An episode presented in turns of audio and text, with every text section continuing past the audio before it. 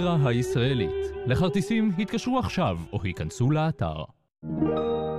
כאן כל המוזיקה.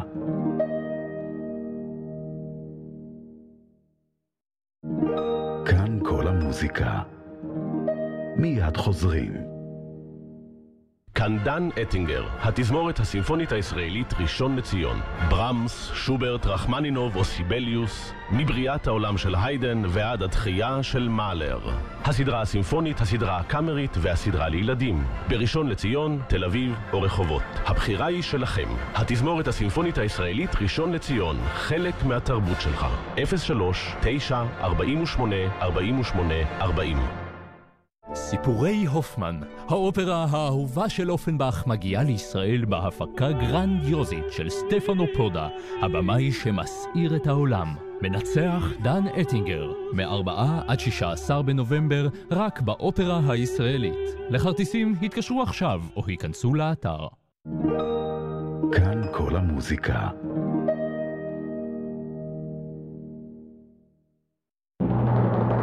כל תוכניות כאן כל המוזיקה, בכל זמן, גם ביישומון ובאתר כאן.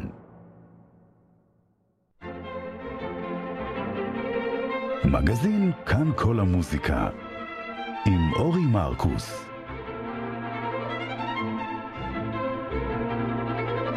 שלום לכם, מאזיני כאן כל המוזיקה.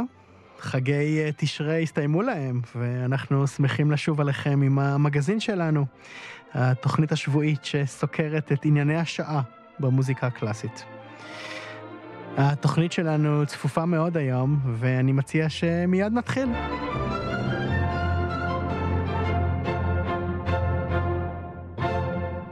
ונפתח בפסטיבל ימי מוצרט, שהתקיים בתל אביב בין ה-27 ל-29 באוקטובר, ויכלול לא פחות מ-22 מופעים, קונצרטים תזמורתיים, קאמריים ואירועים מוזיקליים שונים.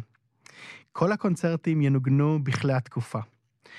צבי מניקר, פרופסור לצ'מבלו, פורטה פיאנו ומוזיקה מוקדמת באוניברסיטת הנובר שבגרמניה, הוא המנהל האומנותי של הפסטיבל, ואנחנו שמחים מאוד לדבר איתו ממקום מושבו אשר בגרמניה. שלום צבי. שלום אורי, כן, אני גם מאוד שמח לספר, לדבר איתך. שלום לך ותודה שהצטרפת אלינו. אני מבין שאתה אספת וליקטת נגנים מהארץ ומהעולם שמתמחים בביצוע בכלים היסטוריים למען הפסטיבל הזה. כן, מהם מורכבת תזמורת מוצרט הישראלית, והם גם, זאת אומרת, כל נגני התזמורת ינגנו גם בקונצרטים הקאמריים השונים. כן, ואני מבין שבעצם בחרתם במגוון של יצירות שמוצרט כתב, מתקופות שונות ביצירתו, מוקדמות ומאוחרות, ושיאו של הפסטיבל יהיה ביצוע של הרקוויאם, האהוב והמפורסם, שהוא בעצם יצירתו האחרונה. כן, זאת יצירתו האחרונה של מוצרט. עד כמה שידוע לי, הרקוויאם יבוצע בארץ בפעם הראשונה בכלי התקופה, בכלים של מוצרט עצמו, עם הבסט הורנים המקוריים.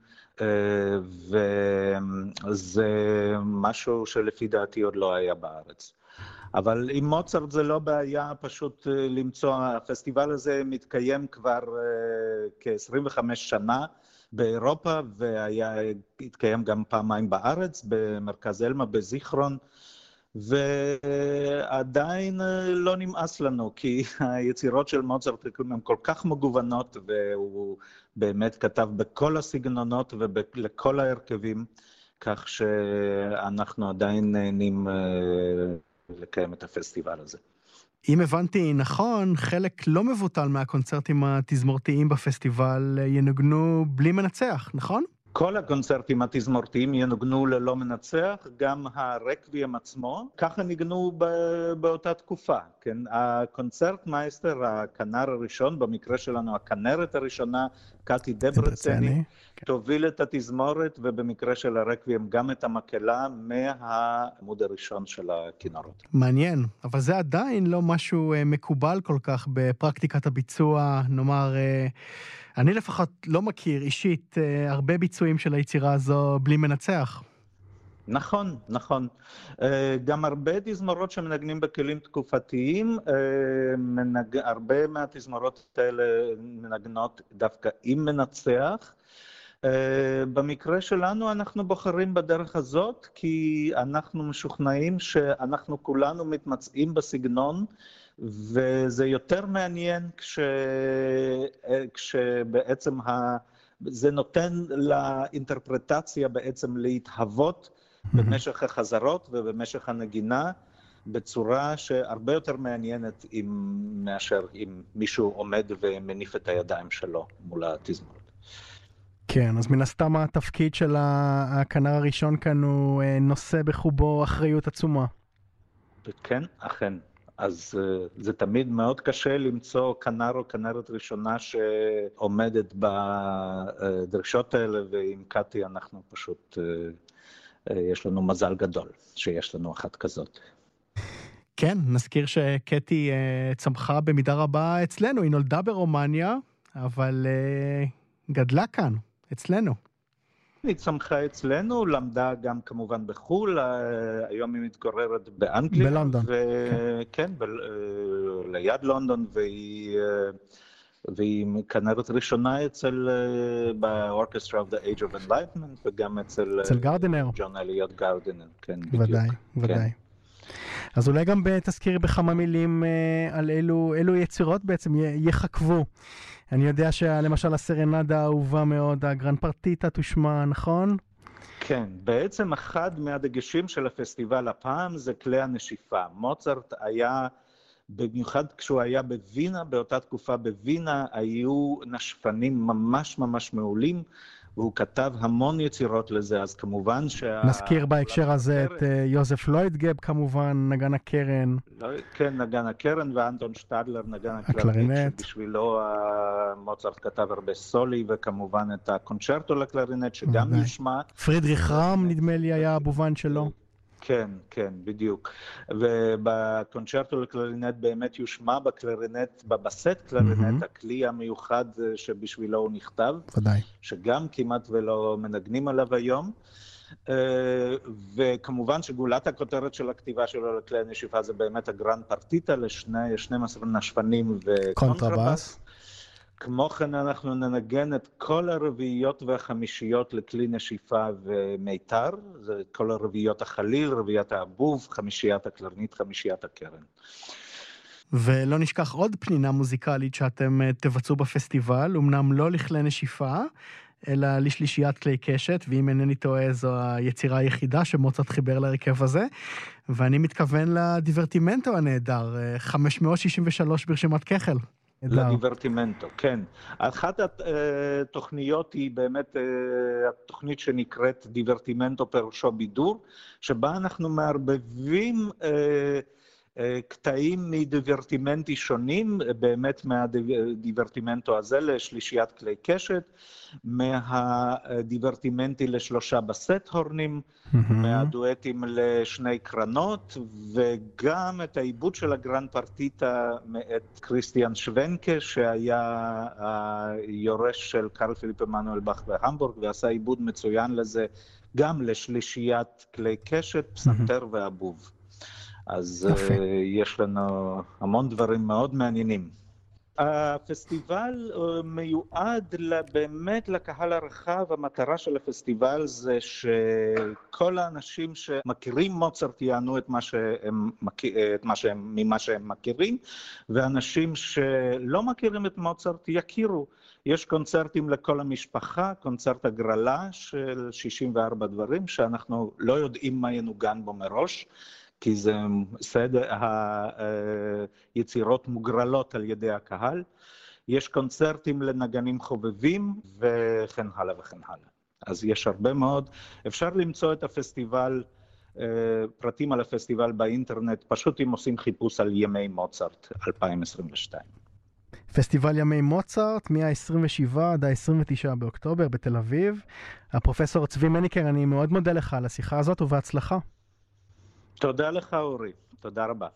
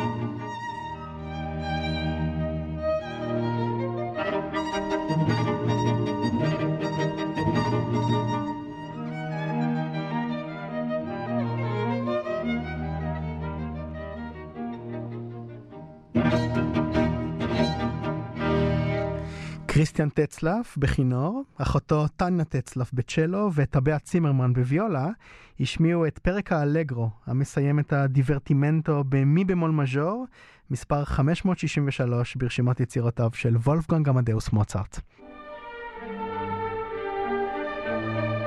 דיסק השבוע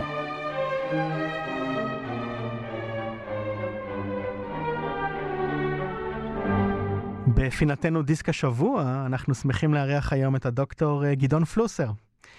דוקטור פלוסר הוא רופא מומחה לרדיולוגיה של העצם בבית החולים איכילוב, וחובב מוזיקה מושבע. נספר שהוא גם אחיינו של אה, פרופסור דוד פלוסר, ההיסטוריון המפורסם. גדעון אה, יציג דיסק חדש של סימפוניה מאת האנס רוט, המלחין האוסטרי שהיה ידידו ומקורבו של גוסטב מאלר. אה, אך לפני כן הוא יקדים ויספר על קונצרט שנכח בו השבוע. בבקשה, גדעון. שלום לכולם, אני גדעון פלוסר, חובב מוזיקה נלהב. אמנם אני חי כבר שנים רבות בתל אביב, אבל שורשיי ירושלמים, ולעיתים אני מוציא את הדרכון ועושה דרכי מעיר החטאים לשמוע מוזיקה בעיר הקודש. בשבת הייתי במרכז המוזיקה במשכנות שאננים. הקונצרט סיכם תוכנית הדרכת צעירים שהייתה במהלך החגים. הוא התחלק לשניים. בחלק הראשון ניגנו מורים שהדריכו את הצעירים במהלך החג, יחד עם גדי עבדי, מנהל המרכז.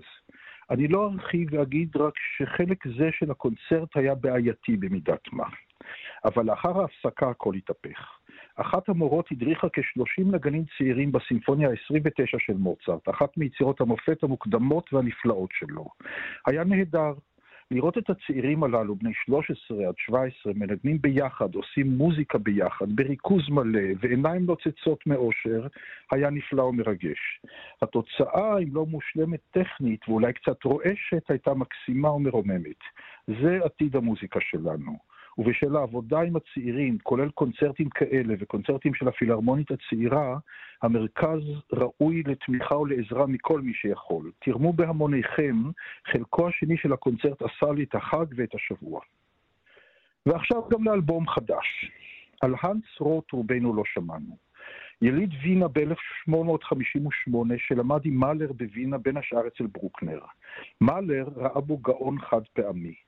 אבל רוט לא עמד במסע החיים, חלה במחלת נפש ומת בגיל 26. היצירה העיקרית שהותירה אחריו היא סימפוניה, יצירה ענקית, כמעט שעה שאולי אינה מושלמת אבל מרתקת ומקורית. הסקרצו, הפרק השלישי, נשמע כאילו רוט העתיק את הפרק המקביל מהראשונה של מאלר, אבל הוא כתב אותו כמה שנים לפני מאלר. האם מאלר העתיק ממנו? אולי.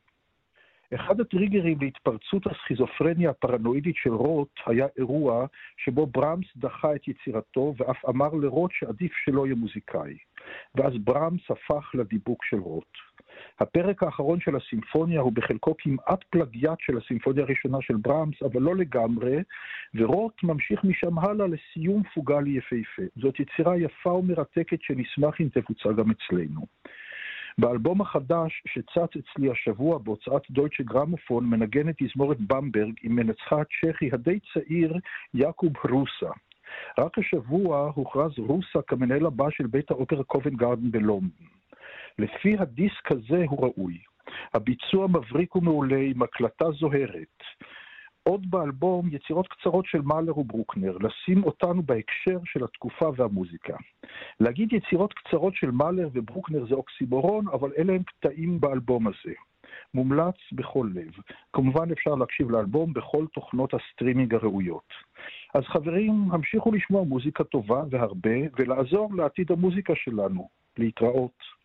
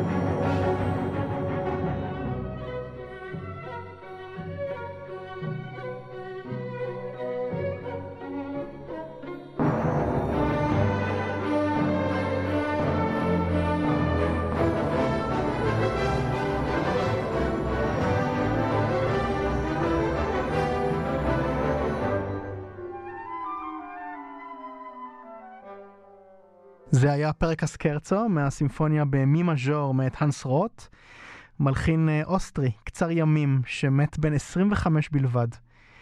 רוט היה ידיד קרוב של גוסטוב מאלר, והוא השפיע עמוקות על uh, סגנונו. האופרה הישראלית פותחת את עונתה ה-38 באופרה הקומית סיפורי אופמן מאת ז'אק אופנבך. המלחין היהודי-צרפתי יליד גרמניה, בן החזן מקלן. בנוסף לסדרה הקבועה של מופעי האופרה, תייחד האופרה הישראלית גם כמה קונצרטים לדמות הראשית שעל שמה היא נקראת. והכוונה היא כמובן אה, לאופמן בכבודו ובעצמו.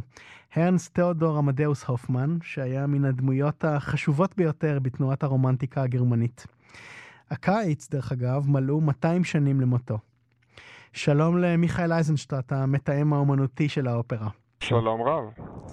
אז אולי נפתח באמת באופמן האיש. הוא שלח את ידו בכל כך הרבה תחומים. הוא היה סופר וצייר, הוא מבקר מוזיקה משפיע, וגם אה, מלחין רב כישרון. ללא כל ספק, למרות שהיום היצירות המוסיקליות שלו לא מבוצעות כמעט בכלל, אבל בימי חייו הוא בהחלט היה מלחין חשוב.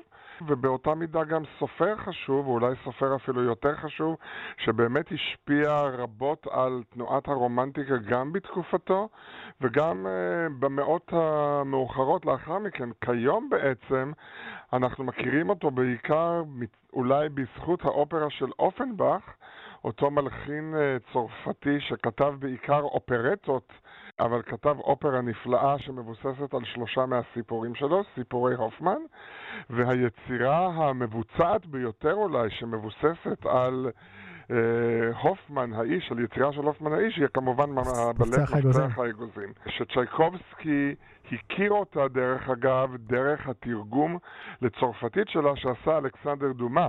Mm. בכלל, אבל מפתח האגוזים זה באמת הדמויות ה... המוזרות, הפנטסטיות, הדואליות האלה, שאפשר לפרש אותן באין ספור דרכים שהופמן יצר, אחד uh, מהדברים שמאפיינים את היצירה שלו, מצד אחד רומנטיקה שופעת, ומצד אחר uh, אפשר להגיד אפילו רומנטיקה מפחידה למדי. אה, שיכולה קצת להרתיע כשרואים אותה ושומעים אותה, ומי שיצא לו לראות לאורך השנים ספרים מאוירים של מפצח האגזים יודע שלא מעט מהערים לקחו את זה באמת למקומות מאוד מאוד מפחידים. כן, ולא רק מפצח האגוזים, נזכיר גם את קופליה של לאו דליב בבלט, וקרייזלריאנה של שומאן. נכון. לפי uh, המנצח קרייזלר, נכון? Uh, כן, קרייזלר ששוב היה, אבל היה הופמן יצר איזה דמות קרייזלרית כזאת שמאוד אה, מזכירה גם אותו באגוצנטריות שלה, בדואליות שלה, בדמויות כאלה שמאוד קשה להגדיר אותן, שמצד אחד באמת שידו בכל ויד כל בו, אה, ומצד שני אנשים שמאוד מורכ... אנשים אומנים יוצרים שמאוד מורכבים עם עצמם ועם היצירה, וזה אולי מה שבאמת ריתק את אופנבך באופרה שהוא כתב. כן, אני גם רוצה גם להזכיר גם את ההשפעה שלהופמן הייתה גם על uh, סופרים uh, מאוד חשובים שבאו דור אחד אחריו. אוסקר וייד למשל, תמונתו של דוריאן גריי. לחלוטין. ואפילו פר גינט של איפסן ודוקטור ג'קל ומיסטר הייד של סטיבנסון. בדיוק, זה כל יצירה בעצם שאנחנו מכירים שבמרכזה דמות שהיא דואלית, איפשהו mm-hmm. ברור, תתכתב איכשהו עם ה... העולם הפנטסטי המיוחד והמוזר הזה שהופמן יצר ביצירות שלו. רק נגיד באמת, אפרופו, כי התחלת בזה שביום שישי, כאילו השבוע, ב-12 וחצי צהריים בראשון לציון, וביום רביעי הבא, ב-26 בחודש, ב-8 וחצי בבית האופרה, בסדרה הקאמרית שלנו, אנחנו מקדישים קונצרט שלם להופמן, ליצירות שלו, נשמע שם את החמישייה לנבל שהוא כתב וכלי מיתר, נשמע שם קטעים מאופרות שהוא, אריות מאופרות שהוא הלחין, וגם מהיצירות שהושפעו או שהוא הושפע מהם, כמו דון ג'ובאני של מוצרט ומפצח האגוזים, בשילוב עם קטעים מתוך היצירות הספרותיות שיקרא אבישי מרידור. יופי, נהדר. אני חושב שאולי זו פעם ראשונה שהיצירות שלו מושמעות בארץ, אני לא בטוח בקשר לזה. יש מצב, אני חייב להגיד שאתמול כשהייתי בחזרה ושמעתי חלק מהדברים, אני לפחות שמעתי אותם בפעם הראשונה בחיי. אז אולי באמת גם כמה מילים על, ה, על הפרודוקציה הנוכחית של סיפורי הופמן. אנחנו, הוותיקים שבינינו עוד זוכרים כמובן את הופמן אה, באולם נוגה ביפו. אז הופמן התחיל עם הרומן שלנו באופרה הישראלית, עם הופמן התחיל באמת בנוגה, בהפקה מהממת של דיוויד אולדן.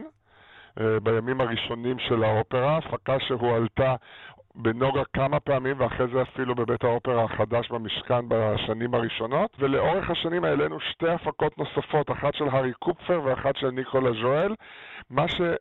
צריך, חשוב לציין בסיפורי הופמן שבעצם אין גרסה מוסכמת או קבועה או אחת ויחידה של האופרה הזאת.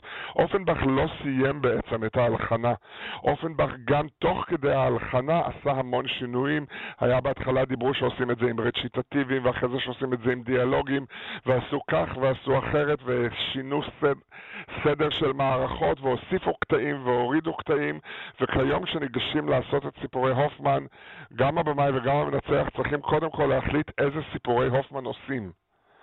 וגם כשאתה פונה לזמרים ואומר שאתה רוצה שהם ישירו את התפקיד של הופמן או את התפקיד של, אה, של המוזה של ניקלאוס, הם צריכים לדעת על איזה גרסה מדובר, כי כל גרסה באמת שונה בצורה כזאת או אחרת מגרסה אחרת, לפעמים בדקויות קטנות ולפעמים בדברים הרבה הרבה יותר משמעותיים. ההפקה שאנחנו נעלה עכשיו היא הפקה של האומן הטוטלי האיטלקי סטפנו פודה, שמי שזוכר העלה אצלנו לפני כמה שנים את פאוסט של גונו בהפקה מאוד מרהיבה. והוא יצא, שוב, פודה צריך לזכור, הוא גם הבמאי, הוא גם המעצב של התפאורה, של התלבושות ושל התאורה. It's a one man show כזה, הוא עושה הכל, סוג של הופמן אם נרצה לקרוא לו, אומן, אומן יוצר שכל הזמן עסוק ביצירה, ומבחינתו באמת זה סיפור שעוסק באומן וביצירה ואיך האומן מתמודד עם היצירה. והדרך שזה נעשה זה באמת כשהופמן עצמו מספר לנו, או יותר נכון לומר לא מספר אלא מראה לנו, מציג לנו שלושה סיפורים מחייו. שאנחנו אפילו לא יודעים אם סיפורי אמת או סיפורים דמיוניים, שלושה סיפורי אהבה כושלים שהיו לו, עם הבובה אולימפיה, עם הזמרת אנטוניה ועם היצנית ג'ולייטה, וכל סיפור כזה מצד אחד עומד בפני עצמו והוא מיני אופרה קצרצרה, ומצד שני הם כולם בעצם מסגרת שלמה של אדם שלא מצליח למסד קשר רגשי עם נשים, כי הקשר היחיד שהוא מצליח לייצר, זה, או מנסה לייצר, ובסופו של דבר מצליח, זה עם היצירה עצמה. נו, אני חושב שאמרת אמרת את הכל. היה לנו לוח זמנים אה, מאוד מאוד מדויק, ואז אה, ביטלו לנו יום עבודה אחד, כי החליטו שב-1 בנובמבר יש הצגה אחרת שצריך לעשות במדינה. אז לוח הזמנים אה, השתנה במעט, אבל לא בצורה קריטית. ההצגה הראשונה תהיה ב... אה, תהיה לנו בשישה בנובמבר ובמשך שבועיים אה, עד ה-18 בחודש תהיינה עשר הצגות. אה, דן אטינגר, המנהל המוזיקלי שלנו, מנצח, והצוות מורכב, אמרת, אז זכרת הרבה ישראלים, אני חושב שהפעם בהפקה יש אפילו עוד יותר ישראלים, או בעיקר, אבל לא רק ישראליות, כי כל הנשים שלו אה, מבוצעות על ידי זמרות ישראליות, הילה פחימה וורוניקה ברוקן אולימפיה, אלה וסילביצקי ואירה ברטמן הן אנטוניה, אלי נורזון ושקד סטרול שרות את ג'ולייטה, וענת שרני ושי בלוך חולקות את התפקיד של המוזה של ניקלאוס.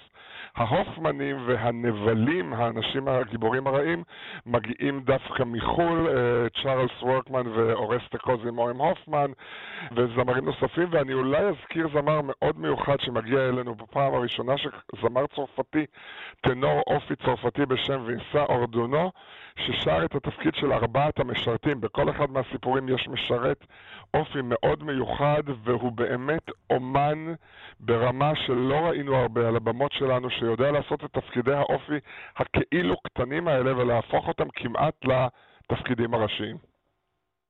סיפורי הופמן באופרה הישראלית החדשה. מיכאל אנסטון, אני מאוד מודה לך על השיחה הזאת, ובהצלחה. תודה רבה, כל טוב.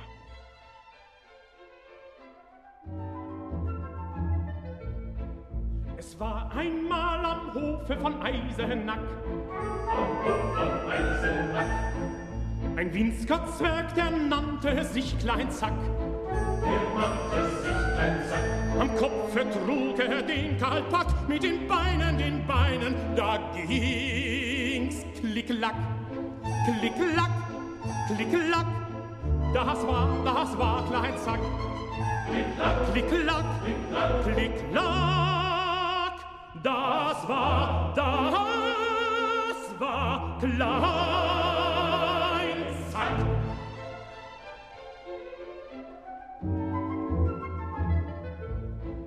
Der hatte einen Höcker so groß wie ein Sack. So groß als wie ein Sack. Die krummen Beine stolperten immer zickzack.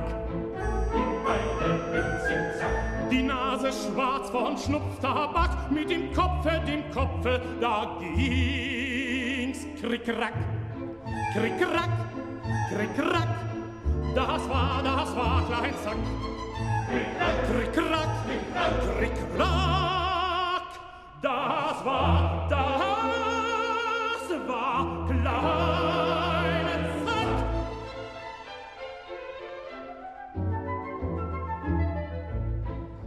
Dann erst das Gesicht und diese Züge. Ja, erst das Gesicht und diese Züge.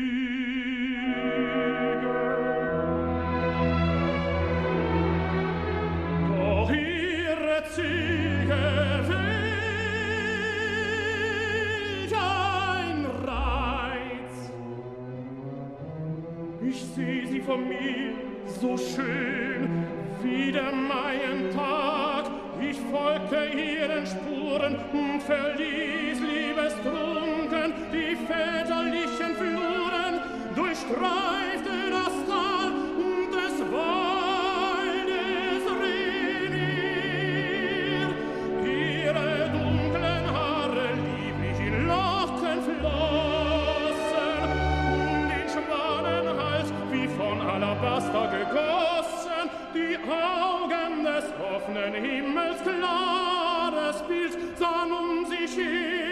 Gazellen gleich so sanft und mild und wie im Ebenmaß die zarten Glieder schwebten, fühlt ich mich liebend brannt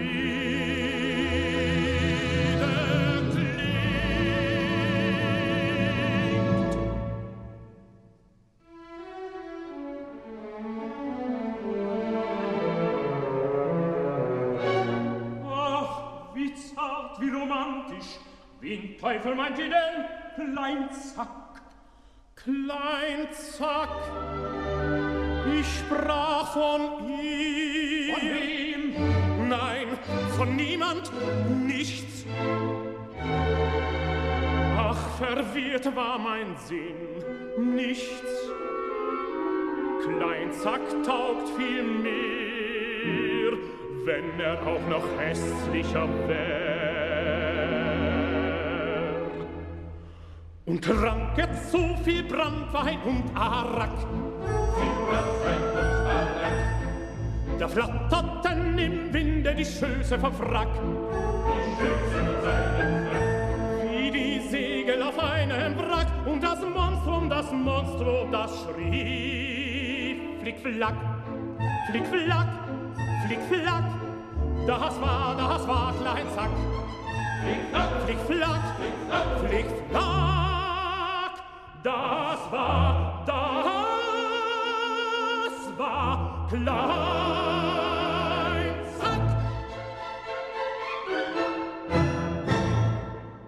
היו היה בחצר המלכות בהייזנאך, הבלדה של הופמן השיכור על הליצן הגיבן קליינזק, מתוך האופרה סיפורי הופמן של ז'אק הופנבך, שר בגרמנית הפעם, הטנור אה, זיגפריד ירוזלם. שלום למאסטרו דורון סולומון. שלום, שלום. אתה אה, בעצם המנהל האומנותי של אה, פסטיבל שנקרא אני גיטרה, נכון? נכון, שיתקיים אה, בשבוע הבא. בדיוק, מתחיל ביום שני. ומה תוכל לספר לנו עליו? טוב, זה הגיטרה בעצם מזוויות שונות. כמו שאתה יודע, אני מנצח ואני בא ממוזיקה קלאסית, ואני גם מנגן גיטרה קלאסית, אבל המטרה היא להציג את הגיטרה מאספקטים שונים, עם אומנים שאני מאוד מעריך ומאוד אוהב לשמוע. ולכן יצאה תוכנית כזאת שהיא באמת אה, סגנונות שונים וגישות שונות, שוב ברמה לדעתי הכי גבוהה. אוקיי, אז ביום הראשון יש לנו כמובן בצוותא אחד בתשע את גיא מזיק, שהוא אה, כמובן וירטואוז גיטרה והוא אומן רב-תחומי ואומן מדהים לדעתי, ואני מאוד שמח שהוא מופיע אצלנו עם להקה. ולפני זה, בצוותא אחד יש לנו אה, שלישייה בלתי צפוי, עידן טולדנו בכלי מיתר, מעיין דוארי בהקשה, ופיטי שהוא גיטריסט פלמנקו ברמה בינלאומית, שהוא חי בארץ בגלל סיבה נכונה, הוא התאהב בישראלית והתחתן איתה. והם עושים אה, קונצרט פלמנקו ים תיכוני, עירובים מעירובים שונים. וביום שלישי יש לנו אה, קונצרט הוקרה לדני עקיבא, שהוא אה, גם מלחין מכונן, והוא גם נגן גיטרה ונגן לאוטר. הוא כותב בסגנון לדינו, וגם עשה הרבה עיבודים של לדינו. זה מלחין שאני אישית ניצחתי על כמה יצירות שלו כבר, ואני שמח שהוא בא אלינו, ואנחנו יכולים להעניק לו ערב שלם. הוא יופיע עם סיוון גולדמן, זמרת, mm-hmm. וגיא יהודה, שהוא קלרניתן בינלאומי, ובא מארצות הברית במיוחד להשתתף ב... אה, במופע הזה. ביום רביעי יש לנו אה, גיברלטה, גיברלטר כמובן, שזה דוקטור אריאל לזרוס, הוא מומחה בחגר לדינו ומוזיקה צפון אפריקאית, והוא מוזיקולוג, הוא אגב בימים אלו נמצא במרוקו, בסדרת קונצרטים עם להקה שלו, ויש סגנון ישראלי, לדינו, אנדלוסי, ג'אז, לטיני, הוא עצמו שר ומנגן, ואני מבין שכל המופעים בעצם התקיימו באולם צוותא, נכון? בתל אביב. נכון, בשני אולמות צוותא, אחד אולם אחד הגדול ושתיים. עכשיו, ביום האחרון, ביום חמישי, ב-27, הקונצרט המרכזי הוא של אה, נגן פולני בשם מתאוש קובצקי, שנגן גם שופן בגיטרה, אבל גם ג'וליאני ורודריגו מלחינים אחרים. עכשיו, שופן, שופן בגיטרה היו כמה ניסיונות לנגן, ולדעתי לא צלחו. אבל הוא מצא איזה דרך עם החן הפולני, או משהו שאני אפילו לא יכול להגדיר, גם כמובן וירטואוז גדול, ובחור צעיר מתוך דור הטיקטוק, ככה שהוא מאוד מוכר ומאוד אה, תקשורתי, והביצועים שלו של שופן ממש מקסימים. אגב, שופן אהב מאוד גיטרה, והוא אמר שהדבר היחידי שיותר יפה נכון. מגיטרה זה שתי גיטרות. שתי גיטרות, נכון. כן. נדמה לי שגם ברליוז, הכלי היחידי שהוא ידע לנגן הוא גיטרה. היה נכון, גיטרה. נכון, אגב, זה מאוד מעניין מה שאתה אומר, כי. התיאוריה שלי, למה ברליוז היה כזה מתזמר מהפכן, ובאמת שינה את כל הגישה, היא כי הוא, כי הוא לא בא לא, לא מפסנתר ולא מכינור, הוא בא מגיטרה. בדיוק. אומרת, הוא בא לגמרי מנקודת התחלה טהורה לחלוטין, בלי דעות קדומות, ולכן הוא הגיע להישגים כאלו בתזמור, שהוא גם כתב ספר תזמור. אגב, אני חזרתי לפני שבוע מתחרות אלכסנדריה באיטליה, זו תחרות פיטלוגה לגיטרה זה אחת התחרויות החשובות בעיטה, בעולם. והזוכים היו מקום שלישי למבוגרים פולניה ומקום ראשון לילדים פולני. עכשיו, זה הארץ היחידי שתרמה שני זוכים, זוכים לשתי התחרויות. ככה שיש אסכולה מאוד מפותחת ומאוד מעניינת בפולין היום, ואני מאוד סקרן לקונצרט הזה. באותו יום, בשעה חמש, יש לנו מפגש עם. הגיטריסטית הקלאסית הבינלאומית שלנו, ליאת כהן, שכבר הופיעה בפסטיבל בקונצרט משלה, ואני חושב שתהיה שיחה מאוד מעניינת, גם על הקריירה שלה, גם על ה... אה, למטיבי לכת, על הכלי שהיא משתמשת בו, המיתרים, הגברה וכולי, אבל גם על הנשים בגיטרה קלאסית. עכשיו זה מאוד מעניין, יש נשים, יש כמובן גיטריסטיות גדולות היום, אבל מבין הגדולים שהשפיעו ו... אה, מכירים, ובהתחלה לא היה כזה מגוון של נגני גיטרה. אה, לא היו כמעט נשים, למרות שהייתה עידה פרסטי שסגופי אמר עליה בתור ידה שהיא הגיטריסטית הגדולה בעולם. אני לא רוצה להגיד שהם עברו את דרך החתחתים שעברו מנצחות או מלחינות, שרק לאחרונה אנחנו מגלים אותן וחושפים אותן כמובן. בהקשר הזה נזכיר גם אולי את אה, שרון איסבין שלנו, נכון? נכון, טוב, שם, נכון, שם גדול בארצות הברית. יש, יש כמה, יש כמובן אה, אנבל מוטסינוס, אה, ספרדיאן, כן. שגם הייתה בארץ, נגנית נהדרת. כן, היא הקליטה אגואדו וסור למשל. נכון. ויש, אבל משום מה, זה הדור הצעיר יותר. ומהדור של סגוביה, דיאז, יפז, וויליאמס, ברים, אנחנו כמעט לא מכירים, למרות שהיו כמה. אז זה אחד הנושאים שאני רוצה לדבר איתה. היא כמובן רב-תחומית, היא נמנה עם אומנים מהגדולים ביותר בתחומם, והקליטה הרבה דברים. ומלחינות, אגב, שכתבו אה, לגיטרה, נאמר באמת מהמאה ה-19 או תחילת המאה ה-20? כמעט ולא, או, שכן. תפסת אותי בפינה. אני, אני חושב יחד לא איתך. אני לא כל כך מכיר. כן, גם אני לא. מעניין, שאלה מעניינת. כן. תראה, סגוביה, כשהוא עשה את המהפכה שלו ופנה למלחינים רבים שכתבו עבורו, אני לא מכיר שהוא מלחינה שהוא פנה אליה. היו לו, גם, היו לו גם דעות מאוד, אה, איך נגיד, מאוד אה, גבריות לגבי צורת הישיבה של גיטריסטיות וכולי. שהיום אף אחד לא היה מעז להגיד דברים כאלו. זה לא שהוא היה בוטה או משהו גס רוח, אבל כן. ככה חשבו אז. נכון. וגם ג'וליאן ברים, שהזמין יצירות מוויליאם וולטון ומבריטן ופיטר מקסל דייוויס. וסטרווינסקי. וסטרווינסקי, כן, לא כתב לו מה שהוא רצה, אבל נכון, הוא הזמין ממנו. אה, אני לא מכיר מלחינה שהוא הזמין ממנה או שהוא ביצע יצירות שלה. אני מוכרח להגיד שבפסטיבל הקודם היה לנו קונצרט שהיו אה, הייתה חללנית, גיטריסטית, והם ניגנו חמש בכורות של מכינות ישראליות. אני לא קיבלתי את זה, כי אני לא חושב ככה, וזה היה ערב יוצא מן הכלל. גם הביצוע היה מצוין והיצירות היו מעניינות, זה היה כמובן עוצמה נשית. יצא ככה. אבל זה חברות שלנו שחיות היום ופעילות היום, וכתבו במיוחד לגיטרה. אבל אה, מהדור הקודם, הדורות הקודמים, אני לא כל כך מכיר לצערי. מאסטרו דורון סלומון, אני רוצה מאוד להודות לך על השיחה הזאת. אני רציתי גם לשוחח איתך על אביך, הורסט סלומון, שהיה נגן הקרן הראשון של התזמורת הפילהרמונית הישראלית. הוא ניגן בה ממש בתחילת דרכה, בקונצרט הראשון שהיה תחת טוסקניני בדצמבר 1936, אבל אולי נשאיר משהו לשיחה הבאה שלנו. תודה רבה, בשמחה רבה. בשמחה רבה. ולהתראות, בהצלחה בפסטיבל. תודה, תודה, להתראות, ביי.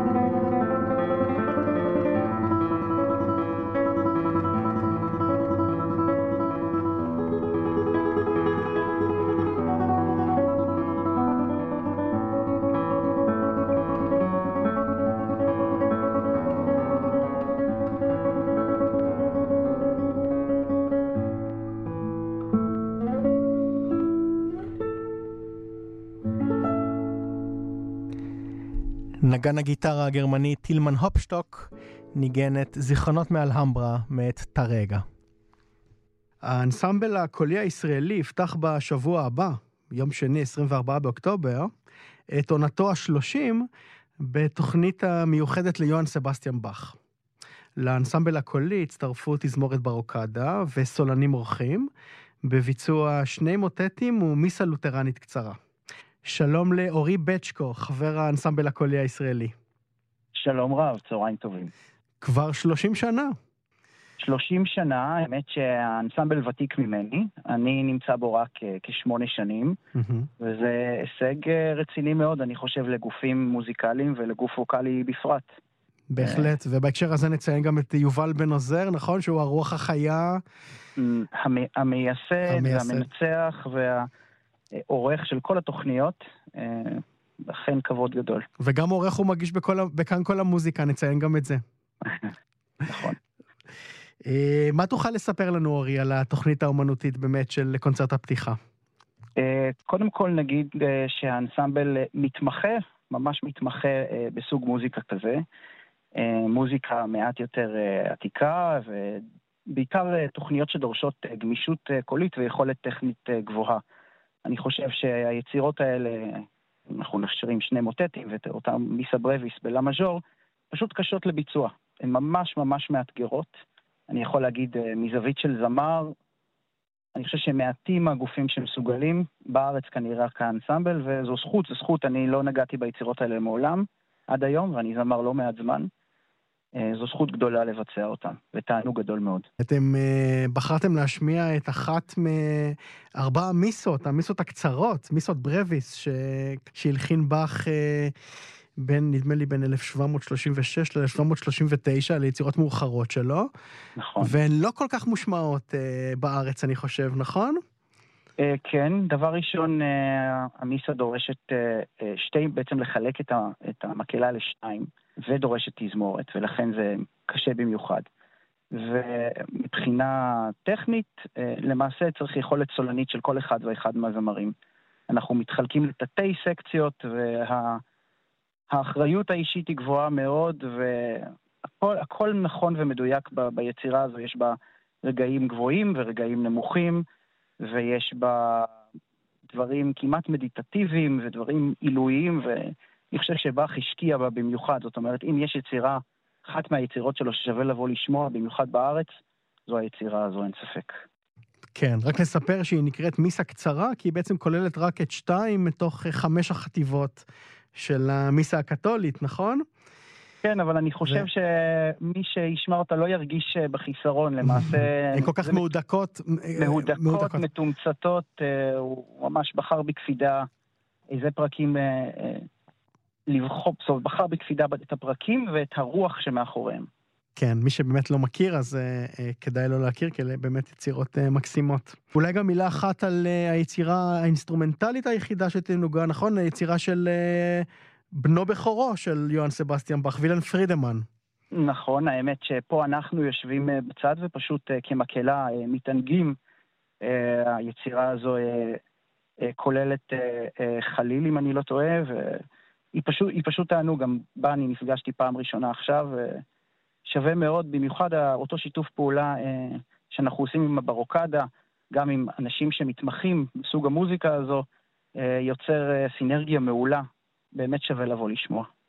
אם מתייחסים לבאך בעיניים מעט מודרניות, אז הוא יכול להיות קצת ג'אז וקצת רוק וקצת מהכל, והמוטט Lobet den Herrn, הוא מוטט ממש אה, רוקיסטי, אפשר לומר, אפילו heavy metal, אם לבאך היו גיטרות חשמליות, בהחלט הוא היה משתמש בהם. אה, ממש מרומם ומסעיר ודורש מחיאות כפיים, אני חושב. אנחנו כמעט פוצחים בשירה רגע אחרי, זה מאוד מאוד משמח. אני פשוט חושב ששווה, ויש, המיסה השנייה היא הרבה יותר קונטרפונקטית וג'אזית. ממש אופי שונה, ובעצם אנחנו כזמרים גם צריכים לעשות איזשהו סוויץ' בראש, לפעמים בתוך היצירות ולפעמים בין יצירה ליצירה, ממש להחליף את, ה, את המוד של הכלי שלנו אה, כדי אה, לבצע אותן, אה, אנחנו חושבים באופן אה, שבו הוא התכוון אה, לבצע אותן. האנסמבל הקולי הישראלי פותח את עונתו השלושים בתוכנית המיוחדת ליוהן סבסטיאן באך, יום שני הבא, 24 באוקטובר. אורי בצ'קו, אני מאוד מודה לך אני על גם, אני, אני גם חייב לציין שאנחנו מופיעים אה, אה, מחר, ביום שישי ברעננה וביום שבת אה, בחיפה. אה, יום שני זה בתל אביב, אז אה, האמת מכל הארץ שווה פשוט לבוא, אה, להתכוונן ולשמוע. תודה רבה לך, אורי. ובאיזה קטע מוזיקלי היית רוצה שנחתום את אה, שיחתנו? אה, אני הייתי מציע את אה, לא בטנהרן. קצר ומרומם. תודה רבה לך, ובהצלחה. תודה רבה לך. תודה רבה.